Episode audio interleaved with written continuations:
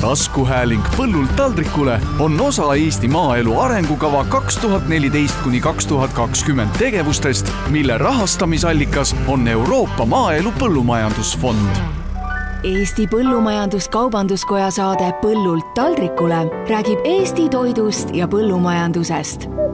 tea, mida sööd tere päevast, tänases Põllult taldrikule saates me räägime Eesti piimatoodetest ja just sellest, et millise taseme on tänasel päeval saavutanud piimatootmise või tööstuse tipud. ja selleks on mul hea meel siin täna tervitada E-piima juhti Jaanust Murakast, tere Jaanus! tere! ja esimene küsimus sulle, et kuna augustist läks tehas tööle või uus tööstus on vist õigem öelda, siis ähm, kas võib öelda, et see on sajandi Eesti ehitus? jah, niimoodi on seda nimetatud. mitte, et me ise oleks seda nii nimetanud, aga nii on äh, rahvakeeli rääkima hakatud. Mm, et ega uut, uue piimatööstuse tegemine on päris suur ettevõtmine ja kui lihtsalt tuua näide, et eh, nii siin Baltikumis on väga palju piimatööstusi, kes tegelikult tegutsevad täna tööstustes, mis rajati eelmise sajandi algusel, tuhat üheksasada kümme ja, ja midagi sellist. et see nagu näitab seda traditsioonilisust, et kui kuskil mingi piimatööstus on ehitatud, piimatööstus on, võib noh, niisugune näite tuua, et see on nagu linn, see ei tähenda, et on kuskil ainult mingi juustuvann või koorelahutaja, piimatööstus vajab väga palju erinevaid tehnoloogiaid, mis võimaldavad põhitehnoloogial funktsioneerida ja kokkuvõttes on ta päris suur selline tehniline kompleks. ega piimatööstus ehitati Nõukogude ajal, kui nii võib öelda, Moskva raha eest, aga täiesti nii-öelda nullist, äh, siis taasiseseisvuse ajal ei ole meil piimatööstust ehitatud ja selles mõttes on ta tõesti, võib öelda, erakorraline ja ma tean, et see projekt ise vist venis või seda aeti erinevaid rahastusi vist kümme aastat, oli nii? võttis see kogu protsess kokku? no või oli rohkem isegi? Mm, tegelikult, kui me hakkame, jah, seda võib nii või naa öelda, aga tegelikult äh, siis selline mm, PRIA juurde eraldi komisjon, kes hakkas siis võrdlema äriplaane ja kes siis kandideerisid sellele riigi toetusele, siis see toimus kaks tuhat seitseteist. ahaa, nii et ütleme kuskil kuus aastat? tõsist tööd on läinud selleks ja. vaja? jaa, aga loomulikult tegevused ju äh, ja suunad ja, ja sai kujundatud juba loomulikult varem. Mm, aga nagu ikka, et kui asi on seotud äh, nii-öelda kombineeritud projekte finantseerimise mõttes, et seal on ka siis Euroopa struktuurivahendeid kasutatud, mm, siis äh, päevapoliitika kogu aeg muutub, ministrid kogu aeg muutuvad, et äh, ja nõuded see, ettevõtetele vist? ja see venis ja venis kogu aeg jah mm, -hmm. et olid erinevad vaated, et kas siis seda tehast on vaja või ei ole vaja, ja, ja nüüd tänaseks on sinnani jõutud, et jah, nüüd on siis nagu valmis. ma saan aru, et selle saja miljoni juurde vist on see enam-vähem selle maksumuse suurus? Ja vot seda maksumusega ongi küsimus niimoodi, et äh, mitte, et see nüüd suur mingisugune saladus oleks, aga tegelikult äh, me saamegi rääkida väga mitmest maksumusest, üks on siis hoone ja tehnoloogia või kogu see projekt. ja kui me räägime kogu projektist, siis on hoopis teine number, sest seda hakati ajama juba kaks tuhat seitseteist, me oleme koolut-, koolitanud inimesi ja nii edasi, et, äh, et aga investeering ütleme, põhitehnoloogia ja hoone, võime rääkida suurusjärgis sada miljonit on põhitehnoloogia hoone. Jaa, ja mind tegelikult üllatas heas mõttes, kui ma käisin suvel ühel äh, väiksel ekskursioonil teie tööstuses, et kui palju on selliseid kaasaegseid ähm, nutikaid lahendusi, ja ka keskkonna säästvaid lahendusi teil seal tööstuses tehtud. et räägi natukene lähemalt, et kuidas te selle kontseptsiooni endal püstitasite ja kui palju teil on siis äh, seda energiat targemini ära kasutatud, sooja ära kasutatud, mida te teete seal? jaa, eks see ongi tänapäeval tööstuse rajamisega, et kui sa seda tööstust teed, no siis sa pead ta rajama võimalikult kaasaegse, et lahendama ära neid kitsaskohti, mis meil täna on tööstusel, me teame, et Eestis tootlikkus on madal, mm, kas tarbija suudab lahti mõtestada, mis see tähendab, aga aga sellest räägitakse tihti, et Eesti tööstuse tootlikkus on madal ja seda tootlikkust tõsta ei tähenda, et me lihtsalt äh, teeksime halvasti tööd või oleksime laisad või ei os-, ei oskaks tööd organiseerida. Aga tehnoloogiad arenevad edasi ja me peame olema rahvusvaheliselt konkurentsivõimelised. ja ühel hetkel on lihtsalt nii, et kui sa investeeringut ei tee, siis sa võid nii-öelda ükskõik mida teha, Äh, proovida teha, aga sa ei ole enam konkurentsis. ja me näeme ka Eestis täna seda, eks, et nüüd me räägime sellest valjemalt ja valjemalt, ega me ei taha ju kriitilistest asjadest rääkida, kuigi peaksime, kui me neist üldse ei räägi, siis ükskord tulebki mingi suur auk, millest me kuidagi enam välja ei saa, nagu nagu ka praegu, me oleme juba varsti kaks aastat majanduslanguses ja otsime põhjust, kust see on tulnud. Mm, ja piimatööstusega ongi, et äh, see teema, et äh, selle planeerimine tõesti nõuab niisugust kõvat tahtejõudu, et sa ei tea, sa ei saa teha nagu äh, kompromisse, kui sa näed, et eelarve muudkui tõuseb ja seda on vaja ja seda on vaja, mm, siis noh, tegelikult sa pead ikka oma eesmärgile täiesti kindlaks jääma et sul ei ole mõtet teha uut tehast ja siis teha teda natukene ainult teistmoodi, kui su vanad tehased on. sa pead ikkagi tänapäeva selle automatiseerimise, digitaliseerimise maksimaalselt ära suutma kasutada ja väga hea rõhuasetus sul ka selles osas, et mm, et just energialahendused. meil on väga kallis energia, eks ole, elektrienergia on meil kallis, äh, rääkimata auruenergiat. kusjuures piimatööstus vajab väga tohutult ju energiat. jaa piimatööstus on tõesti väga energiamahukas ja, ja mõlema energiamahukas, siis nii soojusenergia kui elektrienergia, et piimatööstuses, nagu ma enne ütlesin, et kui on põhitootmisseadmed, näiteks juustukatel, siis sinna on vaja väga võimsat katlamaja, väga võimsat jäävee või külma tootmise võimsust ja loomulikult väga head elektrivarustust ja automaatikat ja lisaks veel suruõhku, pesukeskusi ja nii edasi, nii edasi jaa, et te peate olema võimekad eh, tekitama hästi tugevat kuumust ja samas võimekust seda kõike maha jahutada. jaa, need on tehnoloogilised protsessid, nagu ikka. Kuidas te seda vahepealset energia muundumist ära kasutate, Jaanus? või kas kasutate? ja loomulikult, seda kasutatakse tänapäeval nii palju ära kui võimalik, selleks on eraldi siis energia nii-öelda rekompenseerimise lahendused, seadmed, kus eh, jääksoojus korjatakse kokku, teda kasutatakse teist korda efektiivselt, esiteks üldse siis äh, ressursi äh, kokkuhoid tervikuna, ehk juba siis kaevuvee kokkuhoid, et kaevuvett ei kuluks palju, siin uutele tööstustele on tõesti nagu selline norm, et äh, vett ei tohiks kuluda rohkem, kui on sissevõetava piima kogus päevas oh, nii isegi? jah, mis on kaunis väike kogus, eks ole, et, et kui sa Mm, kodus suppi teed paar liitrit, siis tegelikult nõude pesemiseks tahab, kulub ju rohkem, eks.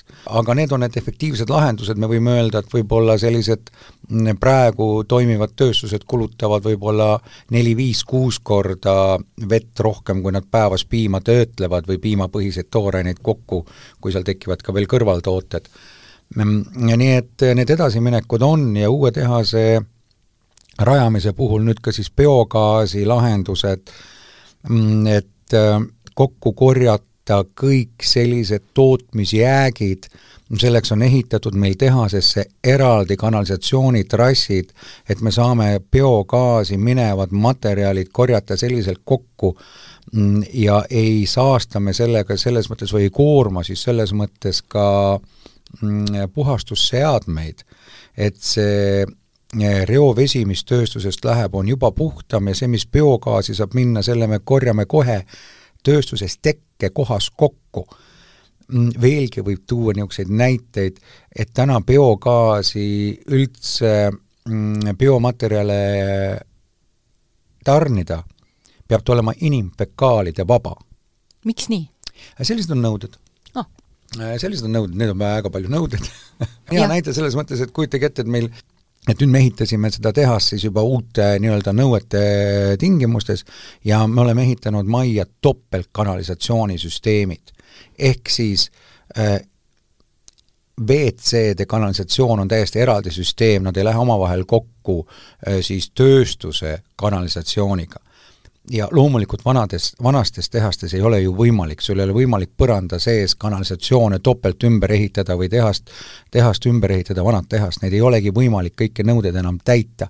et igatepidi me, kui me ei tee investeeringuid aastakümneid, siis ühel hetkel lihtsalt me oleme nagu tupikus ja kust ei saa ka enam välja tagurdada, et ongi tupikseis et selles mõttes on meil hea meel, et vaatamata suurele keerulisele äh, suurte riskidega seotud investeeringule me oleme suutnud selle tänaseks ära teha ja, ja, ja nüüd on siis vähemalt Paide tehasele peaks olema aastakümneteks nii-öelda need põhilahendused praeguste regulatsioonidega, tarbija ootustega ja keskkonna ootustega vastavuses. kas te toote seda biojaama ka ütleme, farmidele ka või teil on ainult see, mis teil enda tööstusest tuleb? ei, meie ise biogaasi ei tooda, nagu ma ütlesin, me varume kokku eh, biogaasi sobulikuva biotooraine ja biojäägid, mis meil tekivad. ja meil on kokkulepe, leping biogaasi eh, tootva firmaga, kes selle materjali meilt kokku korjab. ja siin on ka üks hea näide ringmajandusest, näiteks äh, e-piimal on olemas piimaautod, mis sõidavad CNG-ga ehk biogaasiga, mitte diisliga. Ja üks auto tuleb nüüd kohe selle aasta alguses, järgmise aasta alguses ka juurde.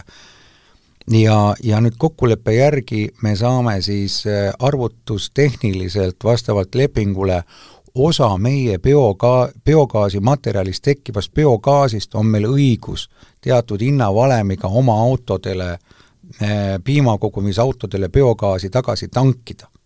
ehk siis, et ongi hea näide ringmajandusest, me toome farmeri juurest piima, toodame juustu, biojäätmed või jäägid, mis paratamatult tootmise juures tekivad, me ko-, kogume kokku tänu siis uue tööstuse lahendustele, eraldi kanalisatsiooni ja kokkukogumissüsteemidele juba selle tekkekohas, suuname nad biogaasijaama ja saame sealt biogaasi tagasi, millega me tangime neid samu piimaautosid, mis jälle varmi, varmi lähevad piima järgi.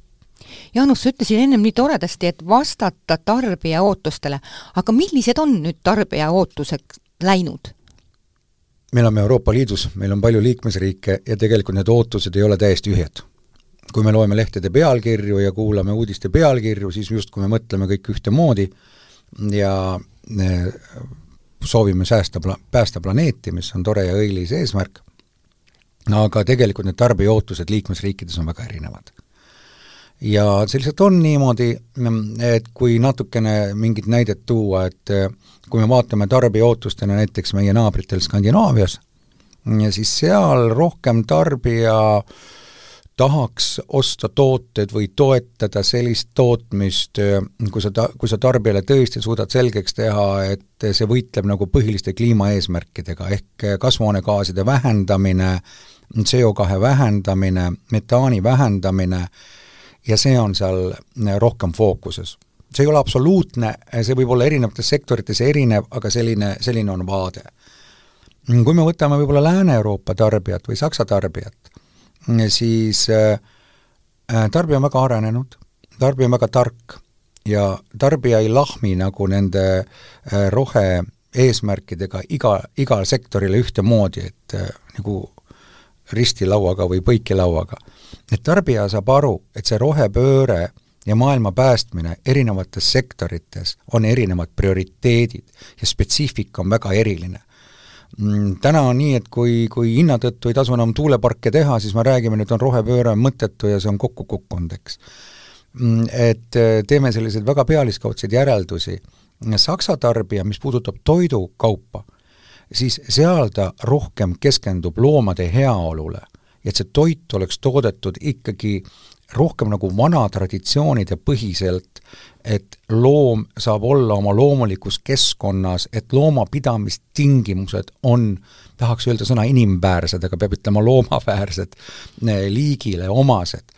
ja, ja need on täiesti erinevad suunad, kuhu ka, kui sa oma tooteid müüd, millega sa pead nagu arvestama et need sõnumid ja see tootmis, sinu tootmisviis peab ka sinna sobima jaa, ja, ja selles mõttes loomulikult äh, see, on hea meel näha, et nii Skandinaavia kui Saksamaa, et äh, sa pead olema oma lubadustes ikkagi väga aus ja kindel, et selline turunduslik, kui ma nüüd ei taha midagi halvasti öelda, aga lihtsalt see oli, see, see oli turunduslik rohevaht, see nähakse seal kohe läbi. Aga seda tehakse ju nii palju? tehakse palju, aga see ei lähe teadusriikides läbi, kus ikkagi tarbija on tark ja kultuur on nagu pikk ja püsiv äh, ja ma näen ka, et ettevõtted mitte mingil juhul ei, ei, mitte et nad tahaksid midagi valesti lubada, vaid ettevõtted on väga ettevaatlikud, et kas need lubadused, mida nad tarbijale ütlevad, on ikkagi teaduslikult põhjendatud ja kas nad ikkagi suudavad neid täita. et keegi ei lähe mingil juhul selle riski peale, et ta äh, noh, pahaaimamatult võib-olla lubab midagi liiga palju.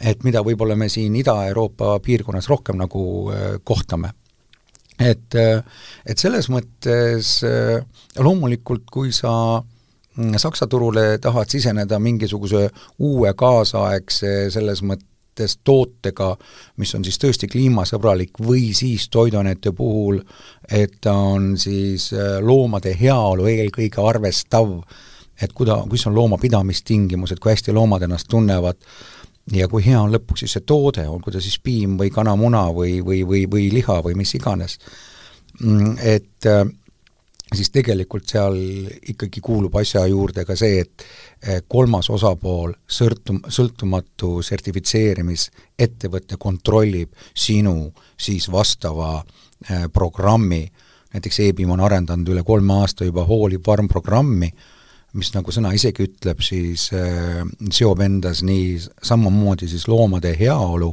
kui ka siis laiemaid kliima- ja keskkonnaeesmärke. ja see siis auditeeritakse, sertifitseeritakse ja, ja see käib kindlate reeglite alusel ja siis on võimalik saada ka oma tootele või pakendile selline tunnus ja kuulajatele, et need, kes ei tea, siis e-piim äh, on tegelikult äh, väga suur ühistu, mis hõlmab enda alla erinevaid farme nii Eestis kui Lätis. palju teil on neid liikmeid? no äh, umbkaudu. täna on meil liikmeid umbkaudu sada viiskümmend liiget nii Eestis kui Lätis. ja tõesti e-piima ettevõtted, e-piim on ettevõtete grupp ja grupi ema on siis ühistu, kelle nimi on siis SCE e-piim ja temale kuulub siis AS E-piim tootmine ja ka Lätis olev äh, piimatööstus äh, Jaumpils, Jaumpils Pienotava.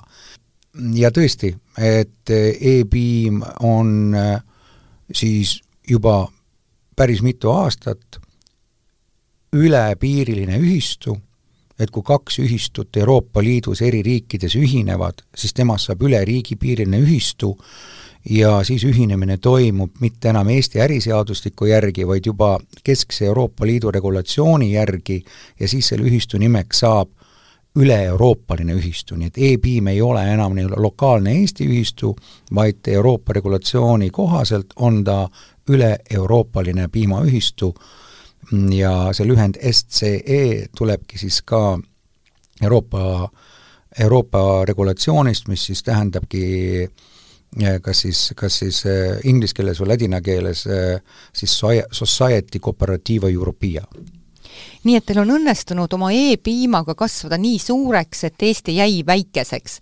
aga kui me räägime nüüd sellest tootearenduse poole pealt, siis Jaanus, kui palju on nüüd ütleme, siin viimase kolmekümne aastaga sa näed, sest sa oled ju olnud ju tõesti vist eluaeg piimatööstuses, et sa näed, et kuidas tooted ise muutuvad sest kunagi sa oled öelnud, et, et on olemas mingid sellised tooted, mis ei muutu, vaid et tarbija tahab just seda klassikat.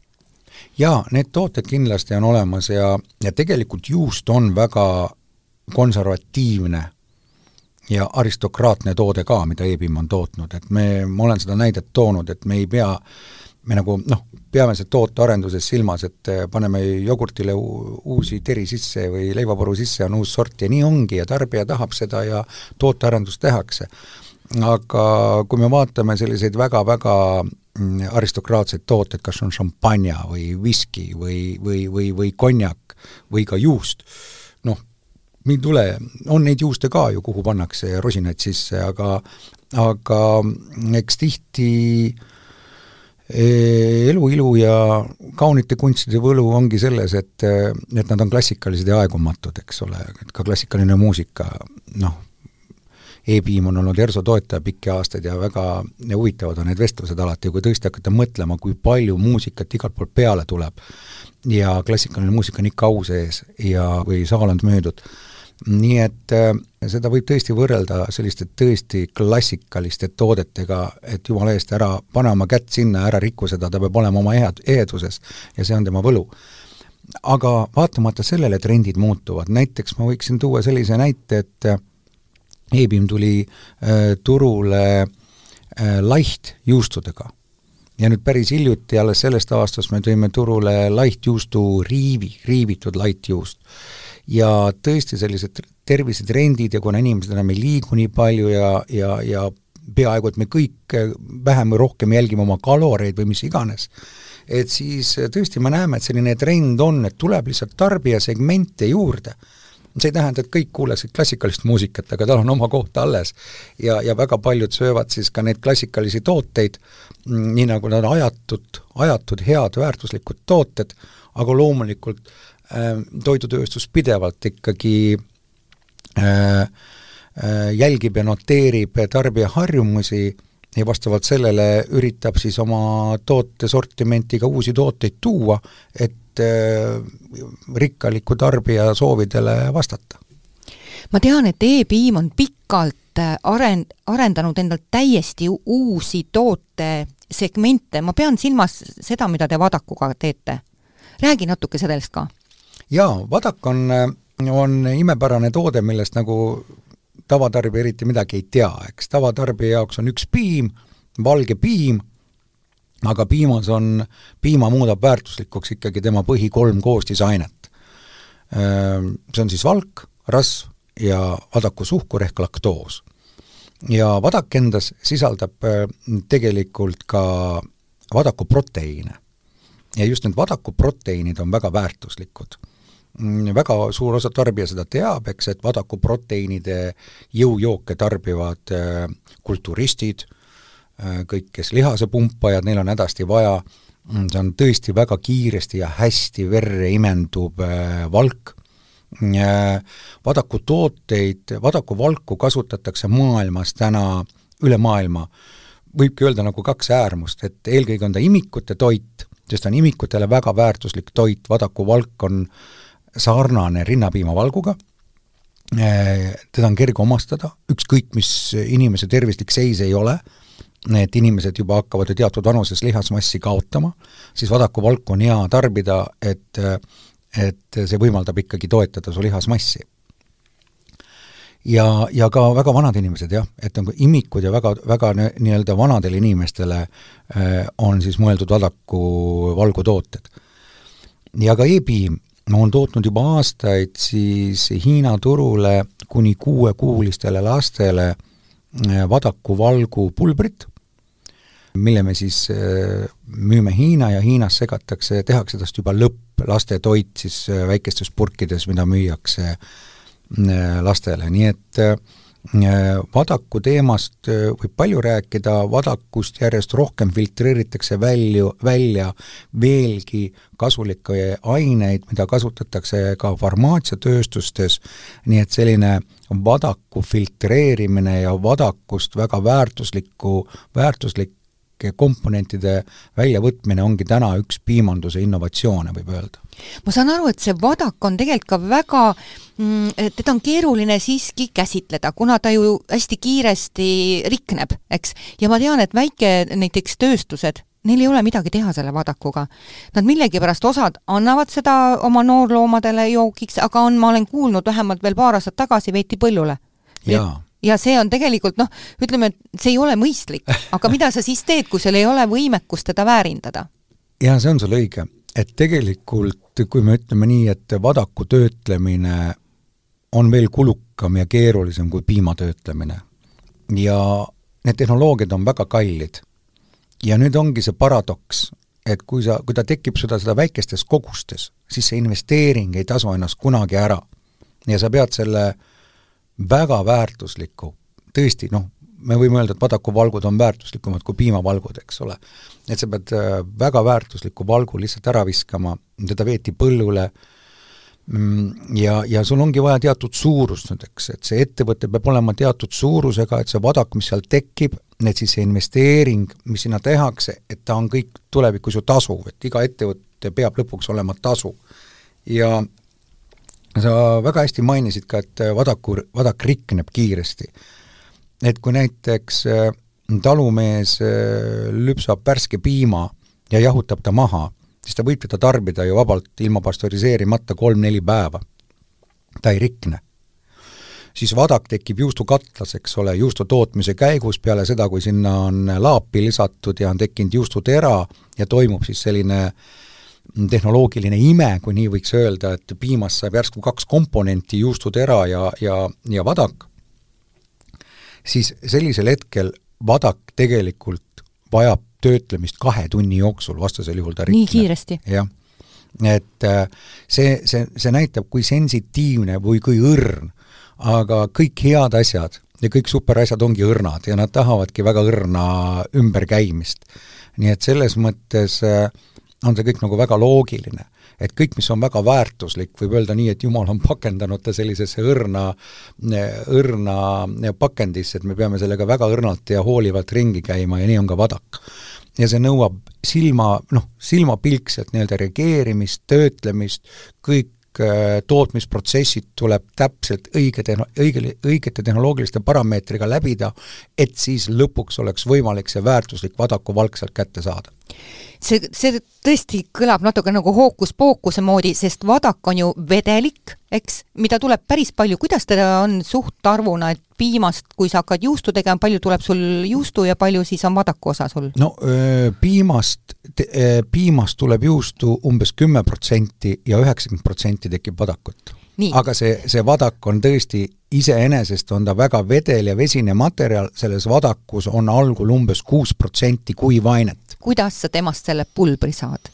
noh, selleks on tehnoloogilised protsessid, et, et ma aga ma räägi võin... paari sõnaga kuulajatele no,, kuidas sul seal, mis sul seal tornis toimub? oi jah, ma ei tea, et meil on olemas äh, Olustveres kena piimakool ja meil on Tartus ka äh, põllumajandusülikoolis piimakool, et ega me vist päris tehnoloogiatundi ei jõua siin teha, aga tegelikult on tõesti küsimus selline, et kui piimas on kolmteist protsenti kuivainet, siis äh, kui juba juust tast tekib, siis vadakusse jääb alles umbes kuus.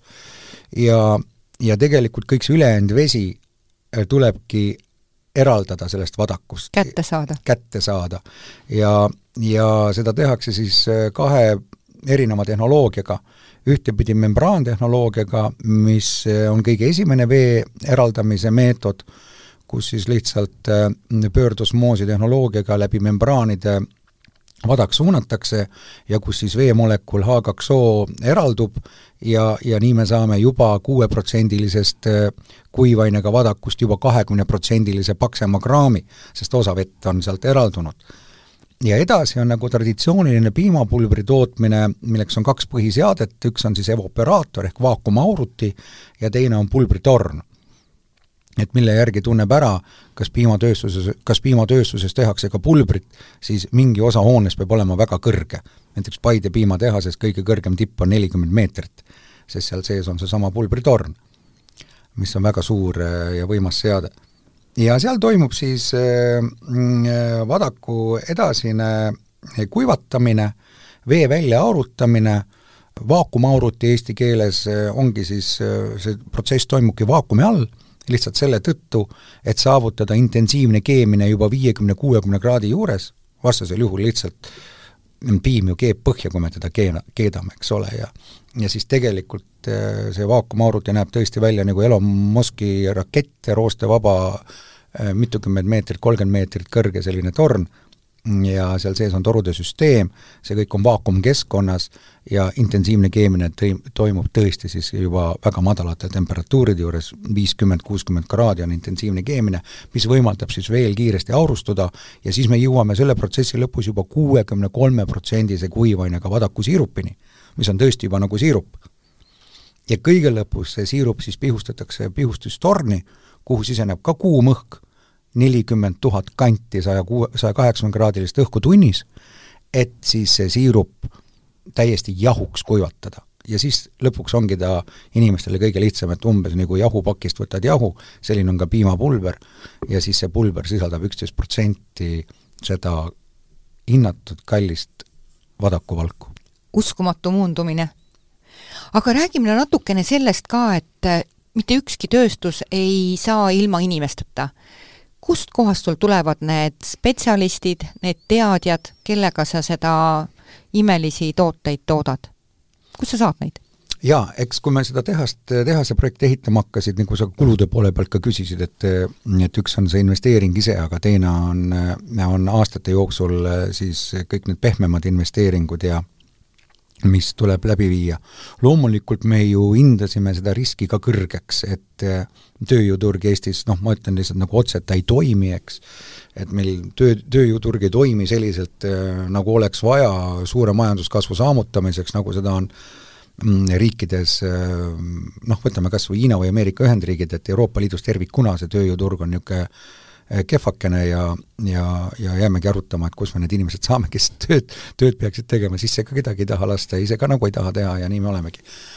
aga, aga me sina vist isegi viisid nad ju välismaale? me hakkasime inimesi otsima ikka ja kuulutama ja, ja tegime tõsiseid kampaaniaid ikka juba mitu aastat tagasi äh, õnneks on e-piimal ka välisinvestorid, Hollandi investorid, meil tekkiski võimalus siis saada, saata inimesi Hollandi kaasaegsetesse piimatööstusesse tööle, Holland on ju kuulus juustumaa, nad said seal juba väljaõppe ja kaks gruppi seal on käinud, täna need mõlemad grupid on Hollandis tagasi, nad töötavad Paide tehases, mm, ehm, loomulikult see eeldab tegelikult nendelt, ehm, enamus on noored inimesed, ja see eeldab nendelt ka tegelikult väga head inglise oskust, et Hollandis väl-, väljaõpet äh, saada, samuti ka kohapealne väljaõpe seadmetele, mida siis seadmete müüja teeb, toimub ju tegelikult ka inglise keeles.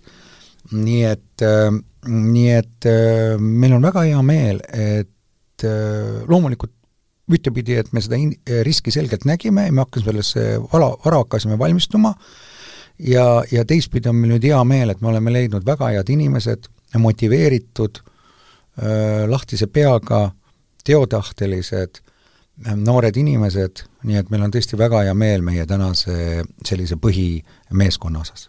Nii et me võime öelda, et piimatööstuses kui kaasaegses tööstuses üldse töötada, on vajalik keeleoskus.